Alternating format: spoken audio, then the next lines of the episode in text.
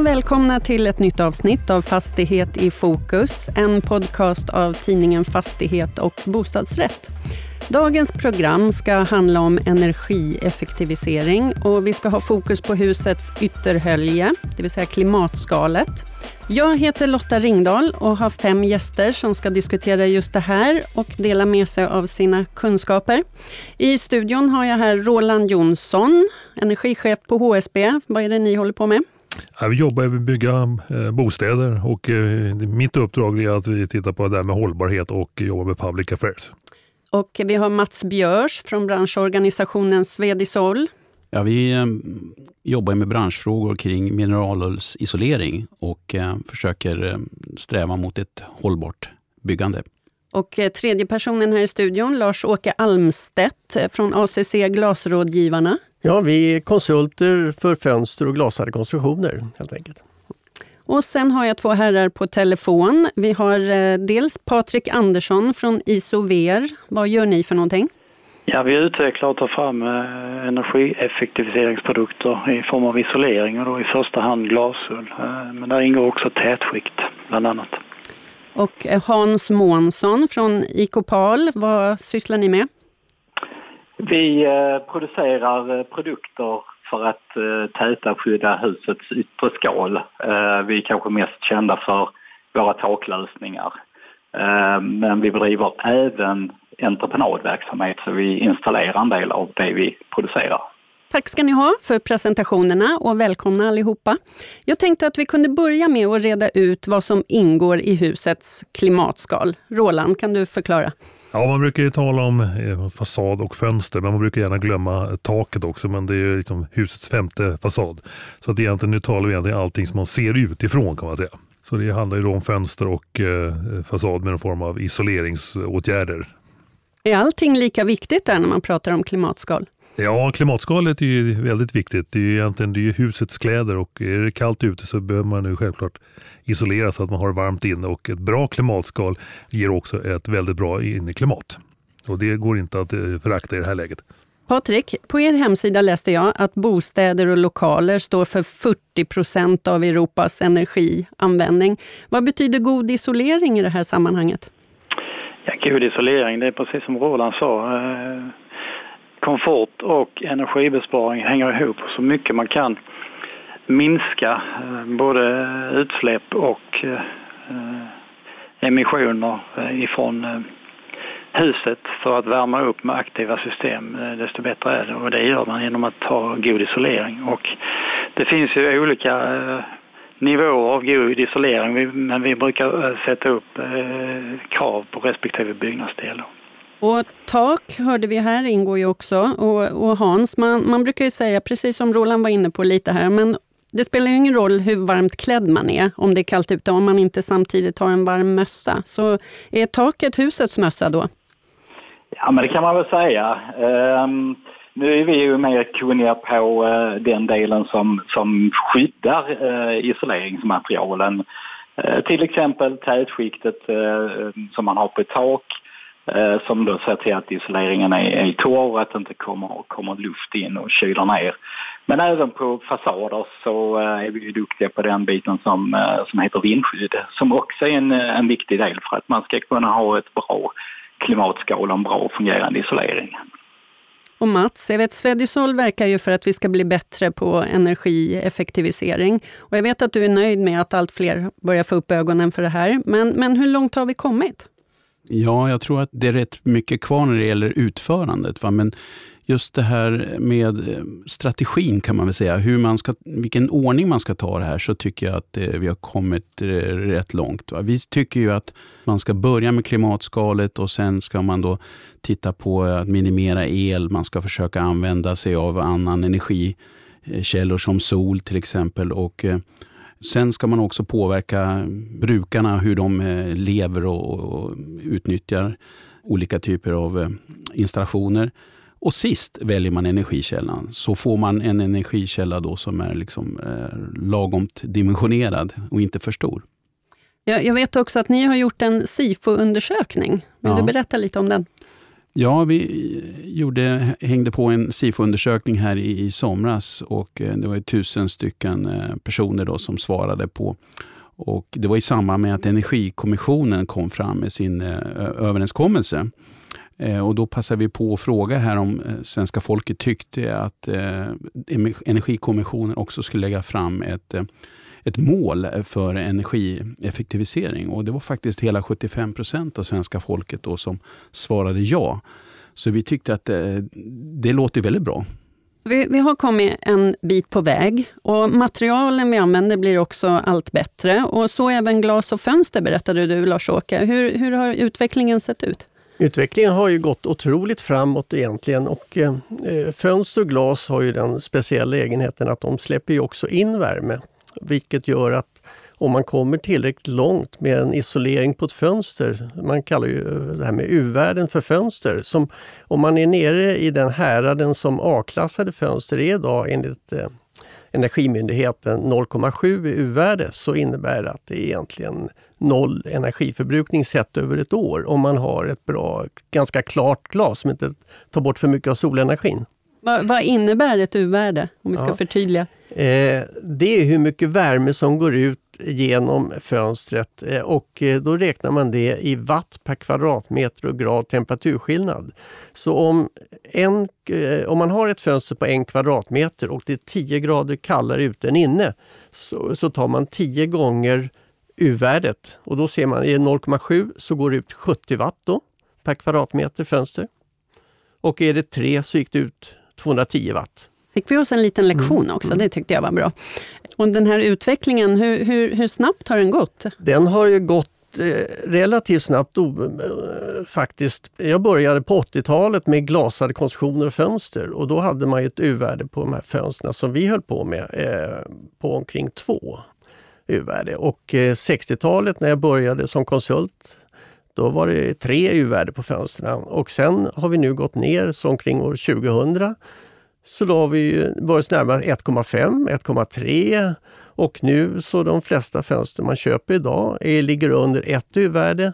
Det finns fönster ner till 0,7 U-värde. Eh, Roland, jag, jag, vet att du gärna säger resurseffektivisering istället för energieffektivisering. Kan du förklara? Ja, energieffektivisering kanske är något smalt. Utan man, just resurseffektivisering det handlar om det här att om man nu gör någonting och byter ut någonting så har man ju då en hantering av material som man måste då ta hand på något speciellt sätt. Och Det kan ju vara så att man nu står med, alltså att man tycker gamla dåliga fönster, då kan det vara så att man till och med överväger, är det mer resurseffektivt att renovera de här än att byta ut dem? Och Det där kommer igen i alla lägen, alltså att man liksom hela tiden, vad är det för miljöpåverkan vi förorsakar med den åtgärd vi gör? Hur, hur tänker ni andra kring det här? Hans, vill du börja? Nej, men det, det låter klokt. Eh, när vi tittar på tak och sådär så där, eh, när vi pratar med våra, våra kunder eller beställare så vill vi ju inte bara att om man ska renovera ett tak att man bara eh, lägger ett nytt lager papp på. Utan vi ser gärna att man gör en energiberäkning för, för, för eh, hela konstruktionen och att man passar på att tilläggsisolera. För ska man ändå investera i någonting som ska hålla en 30-40 år, vilket dagens eh, takprodukter gör, så ska man ju se till att få en energihållbar lösning genom att göra en, en, en tilläggsisolering också. Hur resonerar ni Mats angående resurseffektivisering? Jag tycker att det Roland tar upp här är väldigt viktigt. Eh, vi har ju faktiskt inte oändliga resurser. Och eh, det är viktigt då att man kan använda material och eh, produkter så mycket som möjligt och att inte slentrianmässigt bara riva ut och köpa nytt så att säga. Och jag tror vi kommer att hamna i mer och mer av det som ibland pratas om cirkulär ekonomi, alltså där man, där man helt enkelt eh, använder eh, produkterna längre och kanske återvinner eller återanvänder dem. Så jag, jag tror att det, det här är en, en framtidsfråga. Lars-Åke, är det här ett begrepp som ni har diskuterat på glas rådgivarna? Ja, alltså, det är ju som så att eh, det är alldeles riktigt här som eh, ni säger, både Roland och Mats, att eh, man, eh, vanligaste är att vi har ett stort byggnadsbestånd i Sverige. Och eh, man kan ju göra väldigt mycket bra åtgärder med till exempel befintliga fönster och befintliga klimatskal med tilläggsisolering eller att man byter något glas i fönstren eller byter två glas kanske. Så det är naturligtvis det vanligaste och då kan man komma ner då från för fönster från nuvärde 3 ner till 2 eller 1,3. Det är det väldigt vanligt. För att eh, byta hela fönstren är ofta väldigt kostsamt och det blir ingrepp i fasaden och eh, andra problem kanske. Så att eh, det vanligaste med fönsterrenoveringar det är att man gör åtgärder med själva fönstret. Och Patrik, hur, hur ser det ut när det gäller isolering? Kan man tänka resurseffektivt även där? Absolut kan man göra det och det, det som är mest resurseffektivt idag när det gäller renovering skulle jag vilja säga det är ju att eh, tilläggsisolera vinden är ofta en, en, ganska enkel åtgärd som kostar relativt lite pengar och som går rätt så snabbt att göra. Däremot så är det lite svårare på fasaden för där eh, kräver det lite extra eh, åtgärder men vad man ofta glömmer är att när du ändå ska renovera en fasad så ska du bygga ställningar och eh, där är alltid en, en ganska stor kostnad förknippad med att renovera en fasad. Men extra kostnaden för att tilläggsisolera är ganska liten i förhållande till vad det ger sen i form av ökad komfort men också att du sparar pengar på, på åtgärden som sådan.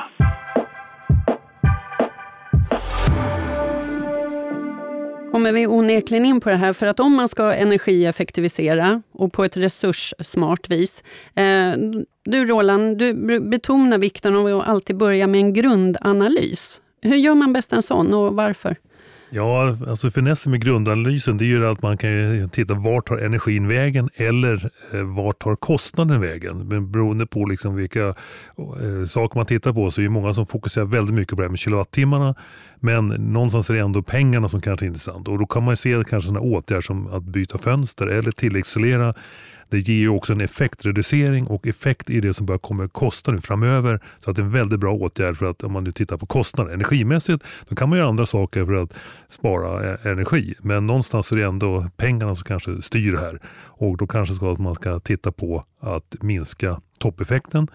Och det har ju också varit diskussion om det här med Energikommissionen, att det borde kanske heta Effektkommissionen och det är en ganska tydlig roll vad det egentligen är. Jag tänker återkoppla lite grann till det här med, med fönstren. Säg nu att vi byter fönster och inte renoverar de gamla. Då kan man naturligtvis jämföra fönstren till lägsta pris. Men det man bör väga in på det här det kanske är då också då hållbarheten på de nya fönstren. Säg att man betalar 20% mer och de håller dubbelt så länge. Då har man byggt in egentligen ett eh, byte man slipper göra och det är också resurseffektivt. Då. Det vet jag att du eh, Hans, du tycker att det är väldigt viktigt att ha koll på vad man egentligen upphandlar, att man får garantier och så. Jo men absolut. Ehm, och det tycker jag alltid man ska ta, ta med sig när man tänker på hållbarhet. Ehm, att man väljer produkter som, som, ehm, som är hållbara över tid. För det kanske blir lite dyrare vid installationsskedet men, men man vet också att man får en garanterat lång livslängd. Vi jobbar ju ganska mycket med P-märkta produkter um, och uh, tycker det är bra när man har en tredje part som går in och, och granskar det man, eh, det man gör. Och det borgar ju också för att man får en, en, um, en bra kvalitet som är anpassad för de um, dagar och krav som finns för just den, den svenska marknaden. Uh, och det, det, det är ju tryggt som, som konsument när man, när man köper det. Eh, sen så tycker jag också att eh, man bör titta på hur man installerar saker. Eh, att man ser till att man har väl utbildad arbetskraft som kan eh, använda produkterna och installera dem på det sättet det är tänkt att, att göra. Det eh, ger också ett, ett slutkvitto på att man får en, en bra och lång, långvarig eh, funktion på, på det man eh, har köpt. Så garantier, kvalitetssäkrade material, att det är rätt personer som, som gör jobbet. Eh, men du Mats, du har, du har ju tidigare erfarenhet både som leverantör, beställare och utförare vet jag. Vad, vad har du för råd till fastighetsägare och bostadsrättsföreningar? Ja, det har gjorts en hel del undersökningar och eh, det som är kanske viktigast av allt egentligen att man skaffar sig rätt kompetens i, i ledningen och kanske inte bara i ledningen utan också eh, ägarna och styrelsen.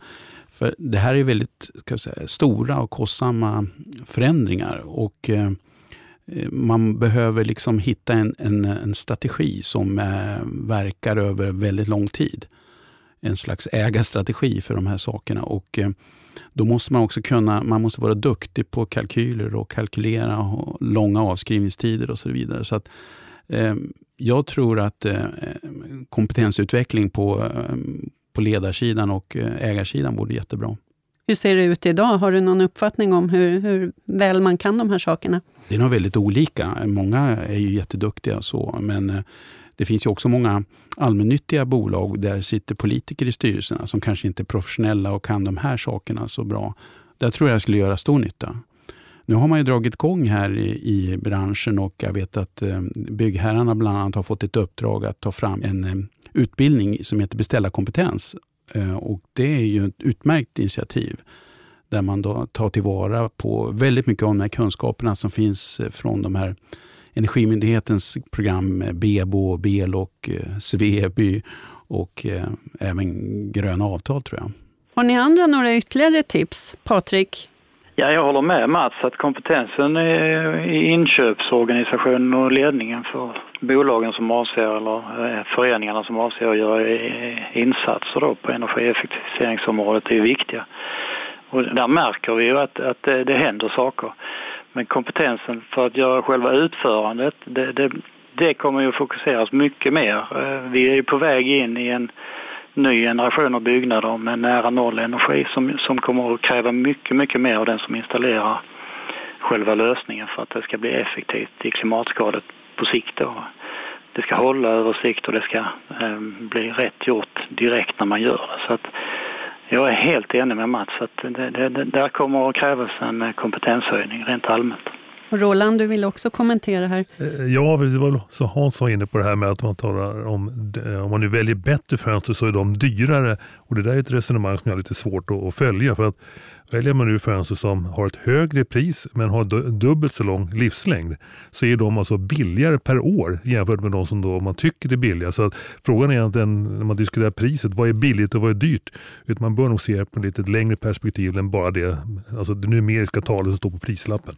Så lite vad man, att man får det som man betalar för? Ja precis, det får det du betalar för. Och det här är också tror jag, viktigt när man tittar på den här eh, man säger, grundanalysen och eh, alltså har man hus med mycket fönster eller eh, ett stort tak så är det lite olika åtgärder som påverkar olika. Så att den här grundanalysen det är den som är den tråkigaste biten eh, än att köpa prylar kanske. Men det är den som man måste verkligen fokusera på och tyvärr så vill man nog gärna pruta på den biten. Det såg vi ju kanske ganska tydligt på Hallandsåsen att man hade inte gjort tillräckligt bra med provborrningar och gjorde då en åtgärd som var väldigt dyr i slutändan. Och skulle man nu ha gjort grundanalysen lite bättre där så skulle vi inte haft det problemet. Man skulle ha lagt alltså tunneln ett par hundra meter åt ett annat håll så skulle det här vara löst. Hur upplever du det Lars-Åke när det gäller Ja, jag håller ju med att eh, när man ska göra alltså, ofta sådana här, eh, om man tycker ombyggnader av fastigheter och eh, energieffektivisera, det är ju stora kostnader för en fastighetsägare och det ska ju noga utredas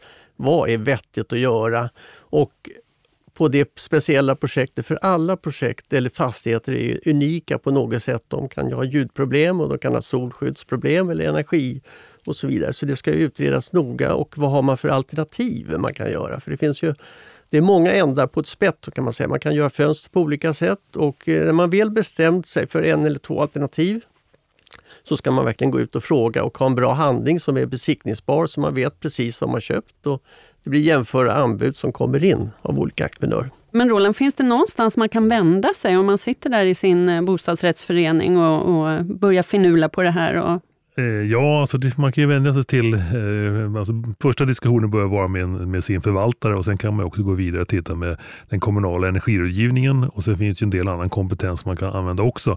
Problemet som jag ser lite grann idag det är att oavsett eller vem man frågar så kommer man ju också få lite olika eh, besked om vilket som är bäst och det här kan ju då få följden att vad man än gör så är det fel ur någons perspektiv och det innebär att man gör ingenting för att man vill inte göra fel och då står det här äh, helt enkelt still. Så att är man tydliga och att vi ska dra åt samma håll, då blir det mycket lättare att göra rätt. Och det där tror jag vi missar en del när vi är ute.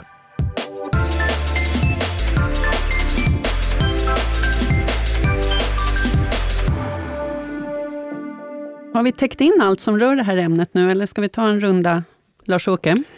Ja, jag tycker att eh, det är väldigt viktigt att eh, köper man till exempel nya fönster eller bygger om fönster så ska man inte få ett problem med det sen. Och det finns ju många som har installerat fönster och så sätter de in till exempel persienner som gör att eh, yttre glaset i den nya isolerrutan går sönder.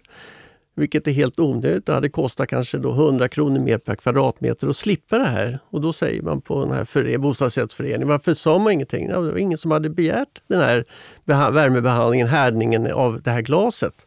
Och samtidigt så tycker jag en sak till att det finns i många fall när man sätter in extremt bra fönster så får man utvändig kondens också som många klagar på. Det är också någonting man kan åtgärda så att man inte får kondens. Och är det som så att eh, man har en fastighet som ligger i lite fuktigare område så får man mycket utvändig kondens. Men det finns ju möjligheter att eh, med en behandling av yttre glas slippa den kondensen. Mm. Eh, Patrik, har du... Eh... Nej, jag tycker bara att det, det bör framgå att eh, när man gör en investering i klimatskalet så gör man en framtidsinvestering för både sig själv och för samhället. Därför att eh, det, är lätt att, prata om energiförsörjning eh, när man har mycket kapacitet för det och man har låga elpriser. Men när, när den där situationen förändras och när spelreglerna förändras och, och om man inte har så mycket kapacitet längre då är det viktigt att det beståndet som finns i form av fastigheter inte suger för mycket energi utan eh, att man, man tänker på, på eh, alla de bitarna när man står i begrepp att göra en investering på klimatskalet. Det är viktigt att tänka både och, både komfort och eh, energieffektivitet. Nu, nu räcker både Mats och Roland upp handen här, men vi börjar med Mats. Ja, när jag tänkte på de här fönstren, eh, det är ju rätt intressant att fundera, när kommer någon att börja kanske hyra ut eller lisa ut fönster? Jag vet att det finns sån som, som eh, lisar ut fönsterpartier. Alltså, säg att vi håller er med, med fina och bra fönster eh, under husets eh, livstid och sen så byter vi ut dem när det behövs och rekonditionerar eller bättrar på. Det, det är intressant att se, finns det någon som kan göra ekonomi av det? kan man säga. Sen skulle jag vilja säga då att målet, alltså vi behöver halvera energianvändningen i fastighetsbranschen här eh, på åtminstone fram till 2050. Och eh, det, det är ett rätt stort beting. Det är rätt många gamla hus. så att vi måste jobba med precis allt som finns och då tycker jag även att man ska jobba med våra tekniska installationer. De här, det är en liten glömd del, alla rör och kanaldragningar också som är ofta väldigt dåligt isolerade och det visar sig att eh, om de är oisolerade kan man spara 85 procent eh, värmeförlust eh, direkt om man isolerar de här på ett bra sätt. Tror du att vi kommer nå det här målet? Jag tror vi måste det. Och det är inte fastighetssidan som behöver spara mest. Det finns andra eh, sektorer men där det kommer att vara svårare. Det är svårare att kanske spara energi inom transportsektorn och så vidare. Så att fastighet måste leverera en halvering, som jag har uppfattat det. Och Roland? Ja, ett par saker. Alltså det här med minska elanvändning kan vara intressant i bostadssidan. Då, för att då frigör vi då en väldigt bra svensk exportartikel eller gynnar då svensk industri med konkurrenskraftiga elpriser. Då. När vi tittar på det här med, med eh, alltså klimatskalet, alltså byta fasad eller fönster eller i kombination då, så tycker jag man ofta missar en viktig detalj i det här läget. Det är att vi minskar husets värmeavgivning. Det innebär då att radiatorerna eller elementen behöver ge mindre energi ifrån sig och då måste man också ställa om de här så att de inte levererar lika mycket. Och det är sällan jag tycker man ser entreprenader som tar helhetsgreppet här. För att eh, man brukar ibland höra så här, ja men vi bytte fönster, nu fick vi mycket varmare inne och de nya fönstren är lättare att vädra. Då har vi ju inte uppnått någon besparing överhuvudtaget och det är viktigt att vi liksom ser det här som en helhet. Så att eh, ställ alltid frågan, vem reglerar in värmesystemet i samband med det här då? Och Sen är det naturligtvis bra att man liksom gör någonting så att det händer någonting. Och, alltså, energin eh, är ju viktig, men det kanske är ändå så att man ska fokusera också på koldioxiden. Det är ändå det som, är det som ger växthuseffekten. Och i Europa då är det ofta linjärt för man kör då gas och olja. Och det kanske är så att en minskad energianvändning kanske inte alltid leder till en minskad koldioxidutsläpp. Och det bör man fundera på vilken åtgärd ger den största vinst i det här läget. Och går man in på det här klimatskalet, alltså med fönster och fasad, så minskar ju toppeffektbehovet och det är just där som fjärrvärmen, eh, när det är riktigt kallt, då spetsar man oftast, inte alltid men bra ofta, med olja. Och har man då ett bra klimatskala och fönster så minskar man toppeffekten och då fasar vi alltså ur det svarta väldigt tidigt. Så att det är väldigt bra åtgärder för att få ner alltså klimatpåverkan med just de här effektreducerande åtgärderna. Det vi har pratat om idag det är klimatskalet och om man förbättrar klimatskalet då gör man ju en passiv åtgärd, det vill säga det, man gör någonting som bara fungerar hela tiden. Medan man säger aktiv åtgärd, det vill säga man tillför värme eller man tar bort värme, kyla och så vidare. Då gör man en aktiv åtgärd. Det kan man säga som man medicinerar huset hela tiden. Och vi måste ju gå och försöka att minska medicineringen utan gå på det här passiva åtgärden så att det bara fungerar helt enkelt. Kort kommentar, alltså värmekällor de kommer och går mm. medan klimatskalet består kan mm. man väl säga. Mm. Och Hans, du får eh, också kommentera detta. Ja, nej, jag tyckte det sista där var en, eh, en väldigt klok kommentar. Eh, att man, man ska välja väl fungerande lösningar som man vet att man kan lita på. Och Eh, eftersom vi jobbar mest med den femte fasaden eh, som vi kanske inte har pratat så mycket om här, det är taket då. Eh, där, där tycker jag att det är väldigt viktigt att man, man ser över och finner en totallösning som har en, en bra livscykelkostnad. Alltså att den blir billig över tid. Och vi diskuterar just det här med, med priset kontra livslängden och oftast är det ju så att den, den billigaste lösningen är ju kanske inte alltid den hållbaraste. Eh, så där tycker jag att man ska välja åtgärd med omsorg och göra en ordentlig projektering först och eh, räkna på vilka energibesparingar man kan göra. Så att eh, tilläggsisolera takyta är oftast en billig och bra åtgärd eftersom det påverkar sällan utseendet på huset. Så att den, den tycker jag man ska ta med sig. Men Eh, för att man ska få en väl fungerande tilläggsisolering så ska man också eh, välja ett bra, bra takmaterial att, att lägga över. Samt att man väljer sin eh, installationsfirma med, med eh, omsorg. Gärna att man väljer någon som kan utföra arbetet som är utbildad av den leverantör man har på, på materialet och kanske kan lämna en, en garanti också för att eh, det utförda arbetet håller över tid. Så det är väl kanske det jag vill skicka med. Jag kan bara haka på Hans där faktiskt. Vi jobbar ju också med taklösningar. De har inte fått så mycket fokus under programmet här men vi jobbar ju, när man ändå byter eh, tak enligt Hans eller ytskiktet så kan man också isolera invändigt och då kan man passa på att konvertera en vind till exempel.